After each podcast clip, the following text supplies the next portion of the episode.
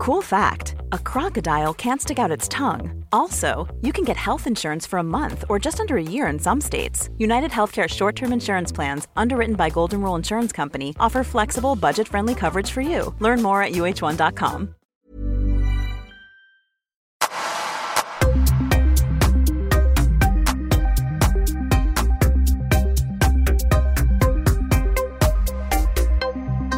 Välkomna till Öppet sinne och det som jag kallar öppnar mitt sinne. Jag heter Paul Elvaje och i de här avsnitten delar jag med mig av eh, mitt liv i eh, alla dess eh, former. Det har skrattats och det har gråtits i, i de här avsnitten, det kan jag lova. Men här försöker jag i alla fall dela med mig av mina tankar, värderingar, åsikter om livet. Det är inte svårare än så. Det är det jag försöker göra i de här avsnitten. Förmedla lite utav eh, det som har gjort mig till den jag är idag. Och eh, Ni brukar skriva till mig, ni brukar skicka lite frågor. Ibland så gör jag Q&As men idag blir det ingen Q&A. Idag hade jag bara tänkt sätta mig och filosofera. jag har eh, precis kommenterat en MMA-gala och jag har ganska många timmar med ingenting just nu. Så istället för att bara åka hem tänkte jag att jag åker upp några våningar, jag vet att studion är tom, jag sätter mig här, jag spelar in ett avsnitt av Öppet sinne. Vi får se vad det blir. Jag kan ärligt talat säga att jag vet sällan vad jag ska gå in och prata om när jag spelar in de här avsnitten. Den här gången har jag typ en liten idé. För jag spelade in en podd ganska nyligen som inte kommer släppas än på ett tag för att jag har lyckats bunkra upp så otroligt mycket avsnitt just nu. Så jag har, har nästan spelat in för mycket podd, vilket är ju ett otroligt lyxproblem som poddmakare. Att spela in för mycket podd. Men jag har just nu, jag tror jag har sju avsnitt som inte är släppta. Och jag ska spela in tre avsnitt till nästa vecka. Det går bra nu. Det är mycket poddar. Jag gillar det. Jag tycker det är väldigt roligt att, eh, att, att göra de här samtalen. Jag älskar det här med att träffa en människa, sätta sig, prata. Jag vet ju såklart var man startar någonstans, men jag vet aldrig var samtalet kommer landa. För det jag älskar med de här eh, avsnitten det är egentligen alla följdfrågor som leder till någonting oväntat. Att det kommer fram någonting som jag inte hade förväntat mig när vi började på det. Det älskar jag. Sen finns det de som kommer in med ett konkret ämne och då vet man ju ungefär vad man kommer manövrera. Men sen ibland kommer det in någon, vi ska prata om dess liv. Då vet man aldrig var man landar. Och det är fantastiskt. Det är jättekul och jag skulle verkligen kunna sätta mig och spela in podd bokstavligen varenda dag. Skulle jag kunna sätta mig och, och podda med folk, för jag tycker det är otroligt roligt. Så det jag hade tänkt prata om idag i alla fall, det är lite det som när jag påbörjade min den här så kallade inre resan, den eh, spirituella resan, när jag började ifrågasätta mig själv, jag började ifrågasätta livet, jag började eh, rannsaka mig själv och granska mitt eget beteende under ett eh, förstoringsglas eh, väldigt noggrant. Började jag, göra. jag började titta på mig själv. Hur är jag bland vänner? Hur är jag i relationer, inte bara med eh, folk, utan även i de kärleksrelationer som jag haft. Vad är det jag gör? Varför blir det på ett visst sätt? vad, vad gör jag? Vad är det egentligen jag gör? Vad är det som gör att vissa saker går åt rätt håll? Vad är det som gör att andra saker går åt fel håll? Och jag tycker det är väldigt viktigt att våga granska sig själv. För jag tror att många gånger så är folk väldigt duktiga på att istället bara tycka att jag är bra. Eh, det jag gör är rätt bra. Det är egentligen ganska mycket fel på alla andra. Och jag tror att om man verkligen ska ta den här så kallade inre resan på allvar, det gäller faktiskt att börja ifrågasätta sig själv väldigt mycket. Vem är jag egentligen? Varför, varför gör jag som jag gör? Eh, vad får jag egentligen ut av det här? Att verkligen våga ifrågasätta sig själv, på gott och ont. För att vi är inte perfekta. Eh, jag har sagt det tidigare, att att vi skulle vara perfekta, det är, en, det, är en, det är en form av illusion. Men sen tror jag också att väldigt, väldigt många gör istället felet att de förminskar sig själva istället för att bara framhäva den här sidan att vi är alla jävligt bra. Men jag tror ändå att vi behöver granska oss själva, vi behöver rannsaka oss själva. Och är det någonting som jag har, har gjort senaste tiden, eller jag har gjort det här ganska länge, men det är egentligen att jag tycker det är ganska intressant att betrakta saker utifrån. Eh, jag kommer ta ett exempel och vi säger till exempel för att hålla det på lite distans från oss själva ändå på ett sätt. Presidentvalet eh, i USA till exempel, eller bara Trumps presidentskap, så kan jag tycka att det är väldigt intressant att titta in där, blicka in. Jag är inte delaktig, jag sitter inte och konverserar med folk, jag sitter inte och ingår i långa, långa statuskrig Eh, eller kommentator, kommenteringskrig ska vi säga på Facebook eller andra sociala medier, utan jag gillar bara att titta in, sitta och studera. Vad gör de? Varför beter de sig som de gör? Varför sitter de och attackerar? Varför försvarar de den här personen när det är jätteuppenbart att den har gjort fel? Och de här människorna vet att de skulle inte försvara den här personen om, om, om, om, de stod på den, om de inte stod på den sida. Hade det varit någon från det motsatta hållet som hade betett sig så här, hade de direkt gått till attack. Och det är väldigt spännande. Jag brukar säga att det är, världen är en cirkus. Vissa människor är helt delaktiga i cirkusen, att de ska stå på scenen i princip och vara i den här cirkusakten. Sen finns det de som sitter på läktaren och skriker. Skriker ut sina åsikter. Och du kan väl då säga att det är statusuppdateringar på Facebook. Sitter och skriker och har tankar om det som händer i den här cirkusen. Sen finns det vi andra som sitter helt utanför och bara tittar ner på alla som sitter i publiken och de som är i cirkusen och tänker bara, men herregud vad galet att de orkar. Hur orkar de, ni egentligen? Du, kanske. Hur pallar du? Det är väldigt befriande att faktiskt kliva ut ifrån det där, att inte vara delaktig längre. Jag hade en diskussion med en, med en polare här för ett tag sedan som kanske delade lite för mycket åsikter på Facebook, började dela för mycket länkar på, på Facebook och jag ifrågasatte det. Och Då sa jag det till honom, vad, vad får du egentligen ut på att dela? Vad får du ut på att kommentera? Och vad får du ut på det? Lika tyst som jag blir nu blev lite han. Han får egentligen inte ut någonting på det. Det var väl det han kände och då, då sa jag det att jag, går in, jag personligen går inte in i de här diskussionerna längre, för jag anser inte att jag har något att vinna. Och då frågar han, men tycker inte du att det är, men då tystar du dig ju själv om du inte kommer ut med dina åsikter. Ja, fast eh, varför ska jag förklara mina åsikter för en människa online som jag inte känner, som redan tycker det han tycker och jag kommer inte förändra hans tänk. Varför ska jag försöka göra det? Det kommer inte göra mig glad. alltså min dag kommer ju bara vara en provocerande dag för att jag kommer störa mig på vad den här personen svarar och att vi aldrig kommer komma överens. Så något som är otroligt befriande bara att kliva helt åt sidan. Jag tror Mark Twain som har sagt att så fort du börjar diskutera med en idiot så har du sänkt dig till dens nivå. Och det stämmer väldigt mycket. Och, och, och, och jag kan säga att när jag personligen slutade att gå in i de här diskussionerna, det var så befriande och det är så många gånger jag kan känna att det kliar i fingrarna, att jag vill gå in och så förklara och sen känner jag bara, alltså vad, vad har jag att vinna på det här? Svaret är alltid ingenting. Det, det är alltid svaret. Jag har ingenting att vinna på det här. Men med det sagt så kommer jag såklart säga att som med min vän, där kommer jag såklart att ta en diskussion. Jag kommer ifrågasätta honom eller henne. Det kommer jag alltid göra. Jag kommer ifrågasätta Sen får de fortsätta om de vill. Jag kommer inte gå in med en pekpinne och förklara, du ska inte göra så här, men jag kommer ifrågasätta och jag kommer försöka få personen att förklara för mig vad den vinner på att agera på det här sättet, på att hela tiden gå in i de här långa konversationerna och sitta i det här på något sätt Facebook-kriget som egentligen bara förstör en hel dag eller en hel kväll. Då kan jag säga att folk garvar åt mig för att jag kollar på baseball.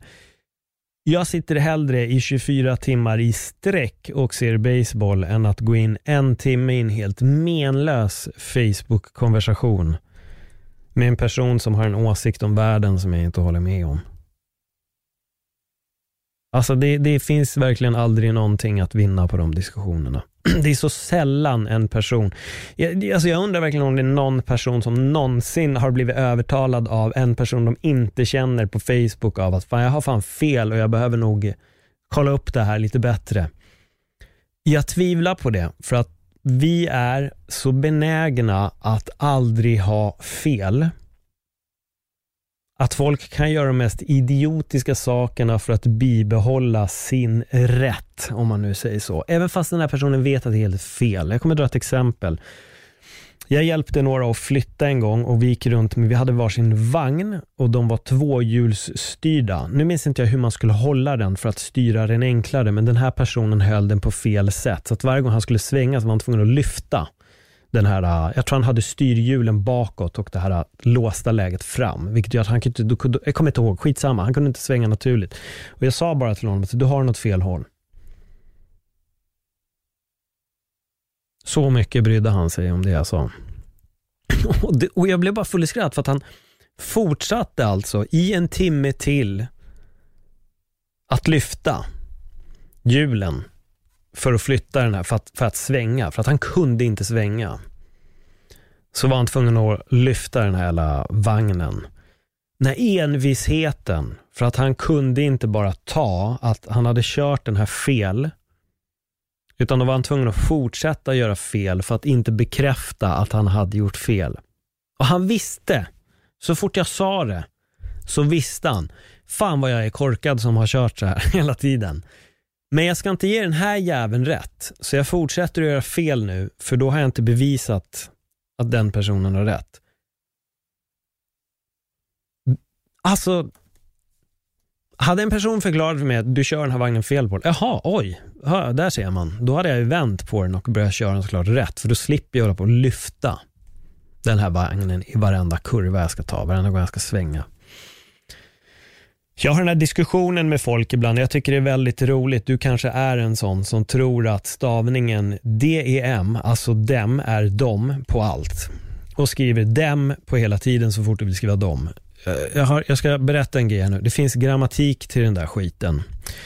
Eh, om man inte kan grammatiken på de och dem så kan jag bara ge ett råd här. Skriv bara dem. Det är jätteenkelt. D och M bara. Skriv det. det. Då har du aldrig fel. Men när du skriver dem på allt, då kan jag säga att du kommer 95% av gångerna ha fel. Och Det här är också något som jag, jag brukar driva om det här på mina sociala medier. Jag har skämtat, nu var det ganska länge sedan jag gjorde det, men jag brukade skämta om det här med det och dem och det. För folk som ni vet, folk förkortar det till DE och sen vill folk spela smarta som att de har så här, oh, jag har lärt mig att de stavas egentligen dem. Problemet där är ju då att det stavas D-E-T, vilket jag tror att alla fattar. Men de, där finns en grammatik som det ena är de och det andra är dem. Och Då kan vi ta ett exempel här. Det är till exempel i amerikanska så har du they och them. Där tror jag att typ alla förstår den grammatiken. Alla fattar skillnaden på they och them. Och ni skulle se direkt om folk höll på att skriva them på allting istället för they också. Ni kan använda det till det svenska också. De gångerna det är them, då är det dem. De gångerna det är they, så är det det. Där har ni det. Det är klart. Där kommer ni ha rätt. Men det finns något enstaka undantag. Men ni kommer att ha rätt nu istället på 97% av gångerna. kommer ni ha rätt istället för att ha fel 95% av gångerna. För att majoriteten är, är, är det och inte dem. Men den här diskussionen har jag haft med några. Jag har bara påpekat det på ett schysst sätt. För att jag kan säga att jag har själv gjort fel på det där. En person påpekade det till mig och jag anammade det direkt. Jag var så här, oj, fan har jag gjort fel? Okej, jag måste lära mig. Hur gör jag egentligen? Och då har jag kollat upp, jag har gått in på synonymer, jag har läst, ja, nu fattar jag, jag har förstått. Men jag gjorde fel själv en gång. Jag var expert på att göra fel på det här. Men jag tillhörde inte kategorin som satt och skrev dem på allt. Men jag hade ändå inte koll på det där. Så jag, jag fick lära mig den, den hårda vägen själv. Så jag sitter inte här nu som en Ja, jag kan. Utan det är verkligen, jag har gjort fel, jag blev tillrättavisad och jag lärde mig. Och jag är jättetacksam att en person förklarade det här för mig. För annars hade jag suttit och sett ut som en fucking idiot varenda gång. Men nu gör jag inte det. För att jag tog till mig av det här felet som jag gjorde och jag ändrade mig, vilket är så otroligt viktigt och det är det jag försöker komma fram till. Om du gör fel, fatta att du gör fel och sluta göra fel. Lyssna på personen som förklarar för dig hur man ska göra rätt. Och så gör du bara det. Det finns ingen heder i att ha fel.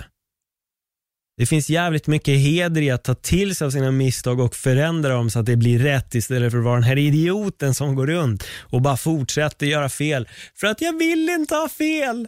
Jag vill inte vara den som har fel. Jag älskar att ha fel. Jag är så glad när någon kan rätta mig i någonting för att då fan kan jag förändra något. Hur som haver, de gångerna jag har gått in och förklarat för det här folk så fortsätter de ändå att skriva dem på precis allt. Och det är så här, okej, okay, jag fattar. Du tyckte det var jättejobbigt att jag påpekade att du hade fel här, men väx upp, kan jag känna då. Inse ditt fel och lär dig av det. Vad är det som gör att så många där ute känner att de inte vågar ha fel? Att de inte kan ha fel? Hur mycket lär vi oss om vi hela tiden har rätt? Ingenting. Ingenting kommer du lära dig. Och om folk tror att de ska gå igenom ett liv utan att någonsin ha fel, men då har ni fel. För ni kommer ha fel många gånger. Och det är bara att acceptera det. Desto snabbare du kan acceptera att du kommer ha fel väldigt många gånger i ditt liv, desto snabbare kommer du också kunna utveckla dig. Och Jag tror att folk som påbörjar en form av spirituell resa, eller en förändring, eller en inre resa, kalla vad du vill, alltså, första steget är egentligen bara att okej, okay, våga ha fel. Inse att du har fel i skitmycket. Det, är bara, det här är bara starten. Jag kommer ha fel i så jävla mycket. Jag tror så mycket saker idag som bara är helt fel. Och Jag personligen vet själv att jag har så mycket mer att lära mig och jag vet att jag gör fel i så otroligt mycket fortfarande. Men man får gärna peka på mina fel så kommer jag också se till att hitta en förändring till det. En förbättring ska jag säga.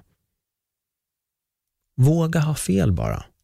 Våga bara ha fel. Om någon säger att du gör fel på det här, lyssna på det då istället. Men sen om någon bara ska komma in och kritisera dig och fingra på allting du gör, då kan du be den personen att dra åt helvete istället. Det finns en jävligt hårfin linje på, det, på den biten kan jag säga med. För när någon går på mig om för mycket saker där den tycker att jag har fel, då är det så okej, okay, bro, nu får du lugna dig här. Kliv fem steg bak, börja med punkt ett, men kom inte med en inköpslista av helgens matvaror till den perfekta tacofredagen i mina misstag. För det är inte okej okay, alltså. Men peka på en miss och jag kommer lyssna. Om jag gör en övning på gymmet katastrofalt fel och någon vill rätta till mig i hjälp, ja men absolut, tack så mycket. Jag är själv den som kan gå fram till folk och fråga, hej, fan du är skitbra på det där, hur gör du? Jag gjorde det med handstående hela tiden. Så fort det var folk som höll på med handstående, jag bara, hej, yo, lugn här, nu, förklara. Hur sätter du ner händerna? Vad gör du med fingrarna?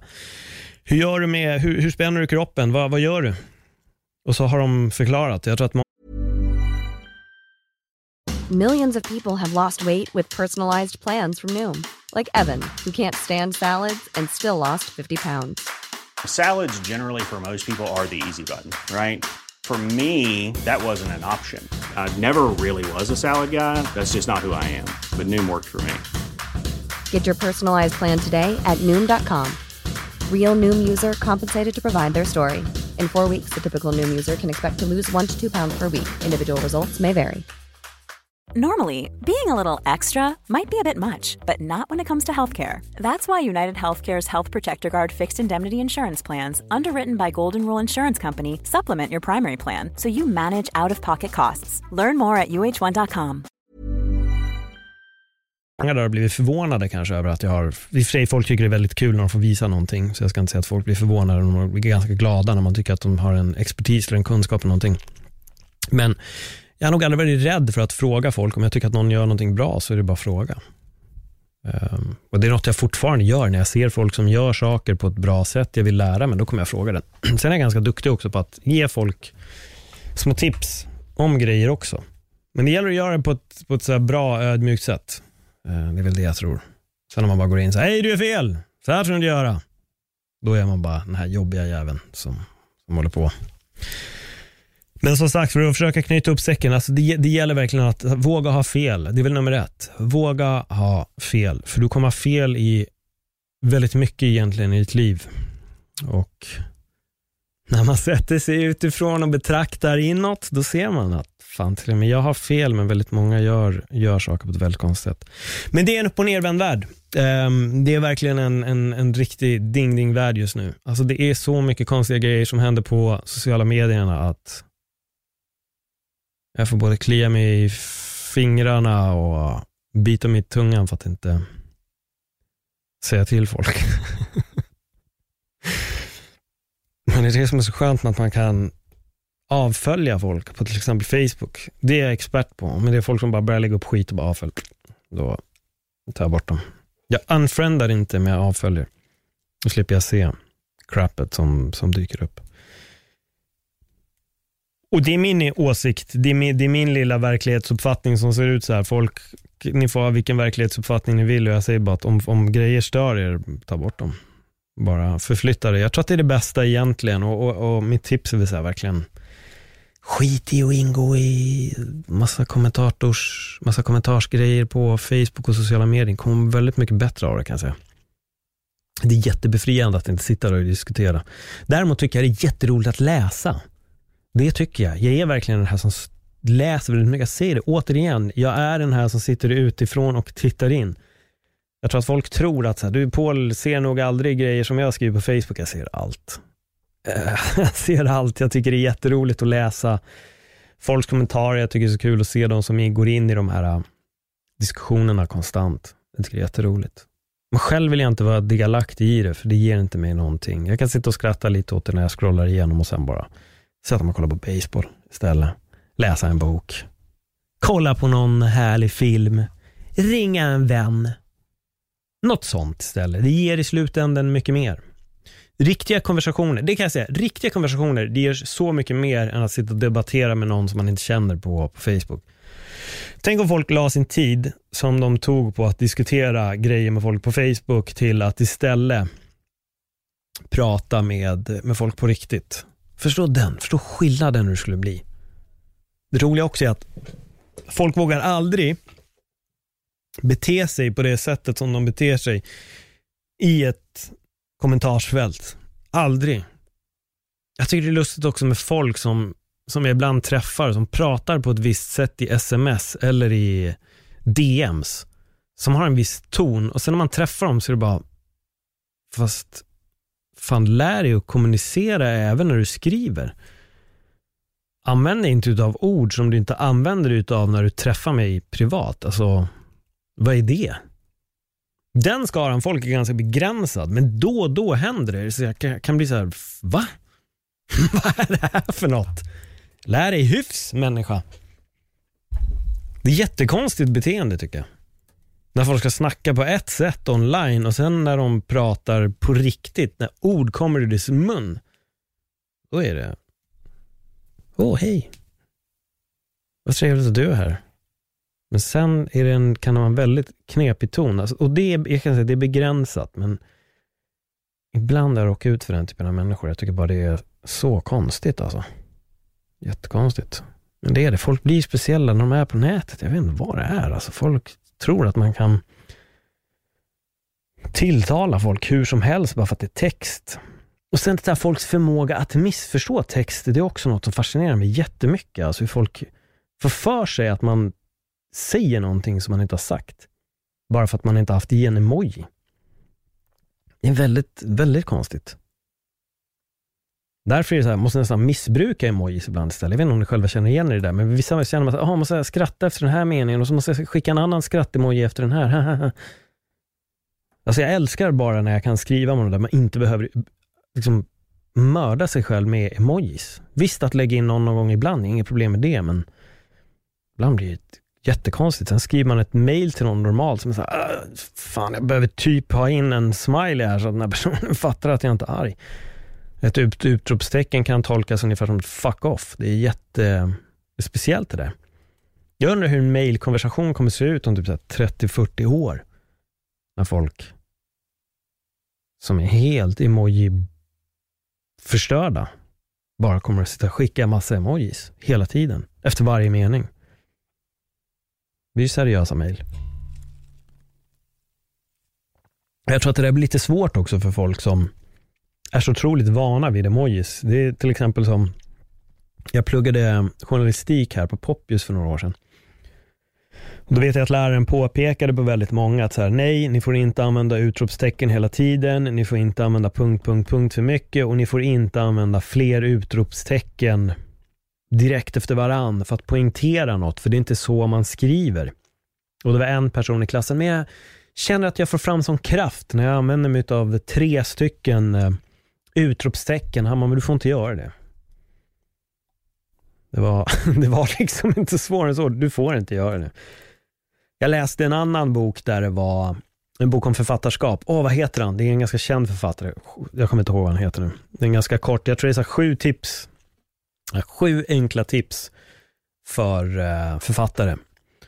Och ett av dem var att använda så lite utropstecken som möjligt i en bok. Det ska vara så få som möjligt. Um, jag var själv en sån här som också en gång i tiden trodde att man skulle använda utropstecken typ hela tiden, men det gör man inte. Det är verkligen utropstecken egentligen bara för att det är ett konkret avslut på en mening.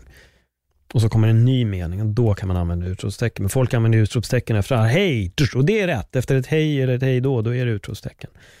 Hej, jag heter Paul! Utropstecken. Jag ska köpa mat! Utropstecken. Jag ska spela in podd! Utropstecken. Det ska bli kul! Utropstecken. Och då är det ju bara ett totalt missbruk utav det där. Eh, och jag kan säga att jag en gång i tiden, jag skriver verkligen som kratta, som jag har fått, jag har fått öva. Och jag har varit redo på att lyssna på dem som har sagt att jag är fel. Men tänk om jag bara hade suttit där och fortsatt och bara tyckt att nej, som han med vagnen, nej, jag vill använda utropstecken hela tiden. Jag skiter i att det finns grammatik i det och dem. Det skiter jag fullständigt i, i, i dem och att det är det och dem. Det skiter jag i. Jag fortsätter göra dem bara. För det känns jävla bra för mig att inte bekräfta för någon på den här jorden att jag har fel. Även fast alla bara ser att jag har fel, så kommer jag inte bekräfta det. Jag kommer köra den här vagnen på fel sätt i resten av mitt liv. Och jag kommer fortsätta se dem i resten av mitt liv. För inte en jävel ska kunna bevisa för mig att jag har haft fel. Varför är det så läskigt att ha fel? Jag förstår inte. Jag, alltså jag fattar verkligen inte varför det är så otroligt läskigt att ha fel. Våga ha fel bara. Våga ha fel. Så fort du vågar ha fel, då kan du ju också till slut börja göra rätt. För vi gör inte allt rätt. Jag gör fortfarande en jävla massa fel. Jag försöker hela tiden lära mig. Med mina jobb, alltså bara med att kommentera, kommentera eller spela in podd, tro mig, jag rannsakar mig själv där också. Jag hittar ord jag missbrukar, jag kan tycka ibland att jag har ett väldigt dåligt språk, att jag lider brist på vokabulär till exempel, att jag lider brist på ord. Jag tittar hela tiden, jag lyssnar, jag vill hela tiden förbättra.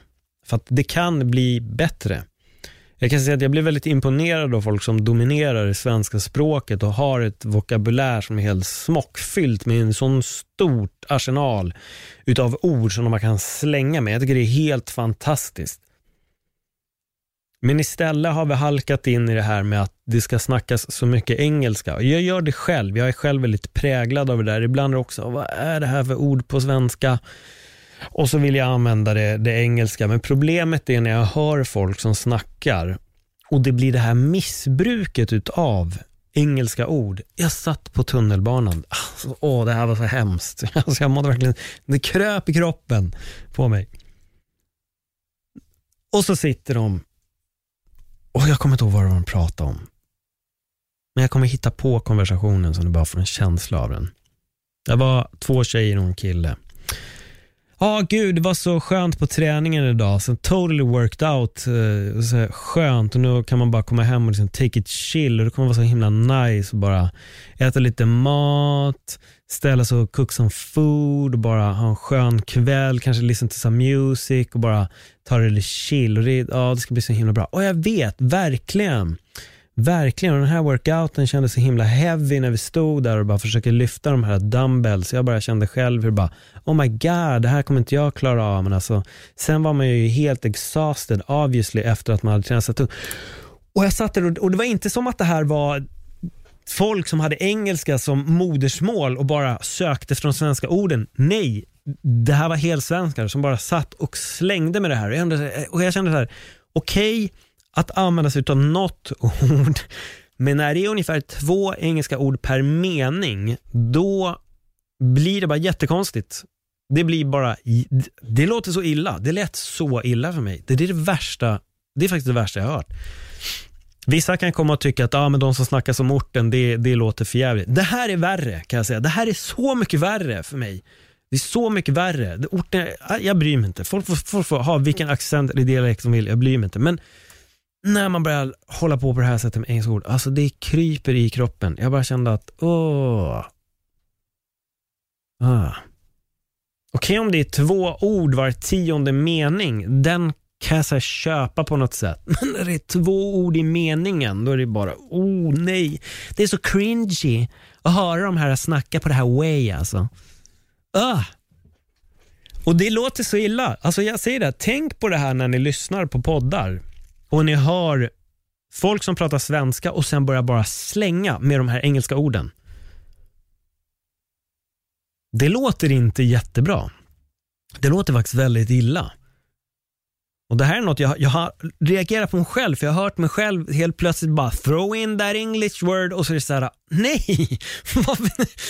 Vad betyder det här ordet egentligen på svenska? Jag måste sluta med det här. Och jag har, jag, när jag lyssnar på mig själv så hör jag det, där är det igen. Och här slänga in det här onödiga ordet. Här, här har jag ett ord som jag repeterar väldigt mycket. Fan, det där måste jag ju få bort. Det låter ju inte bra. Sen har man någon som bara sitter i en podd och bara äger språket. Bara slänger med synonymer. Använder aldrig ett ord för många gånger, utan har bara ett arsenal av synonymer för att slänga med. Då blir jag imponerad. Jag blir jätteimponerad och jag kan verkligen känna så här, wow, så där vill jag prata. Jag vill också sätta mig och bara äga det här språket på det sättet.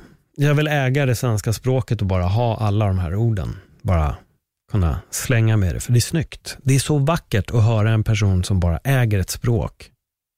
Ha det här kulsprutan av, av ord. För det är först så man verkligen kan förklara saker i detalj. Det är när du har full dominans av ett språk, när du kan dominera ett språk. Och Jag tror att faran idag är att vi blir eh, vi konsumerar i våra öron mer engelska än vad vi konsumerar svenska vissa dagar. Till 100 procent. Musik, majoriteten av det folk lyssnar på, det är på engelska. Visst, och så sitter du där nu. Ja, jag lyssnar bara på svensk musik. Ja, men nice. Bra. Du ser det. Nice. Bra. Du, du har koll på språket förmodligen och kanske inte sitter och need to throw in the English ord hela vägen. Då. Eh, men majoriteten kommer konsumera mycket mer på engelska, i princip dagligen. I form av musik, i form av film, i form av kanske till och med podd på andra språk. Engelska då. Klart som fan att folk blir påverkade av det. Och jag tror att om vi ser hur svenska språket har förändrats de senaste 50 åren till idag, så kommer det förändras såklart på de kommande 50 åren. Från idag till de kommande 50 åren. Och Det kommer vara mycket mer engelska. Jag tror till slut att det kommer bli det här att vi börjar stjäla de här engelska orden. Det är inte bara engelsmännen som har sånt smorgasbord ifrån oss, utan till slut kommer det i princip bara smorgasbord varenda ordet som finns kvar på svenska. Resten kommer nog vara engelska.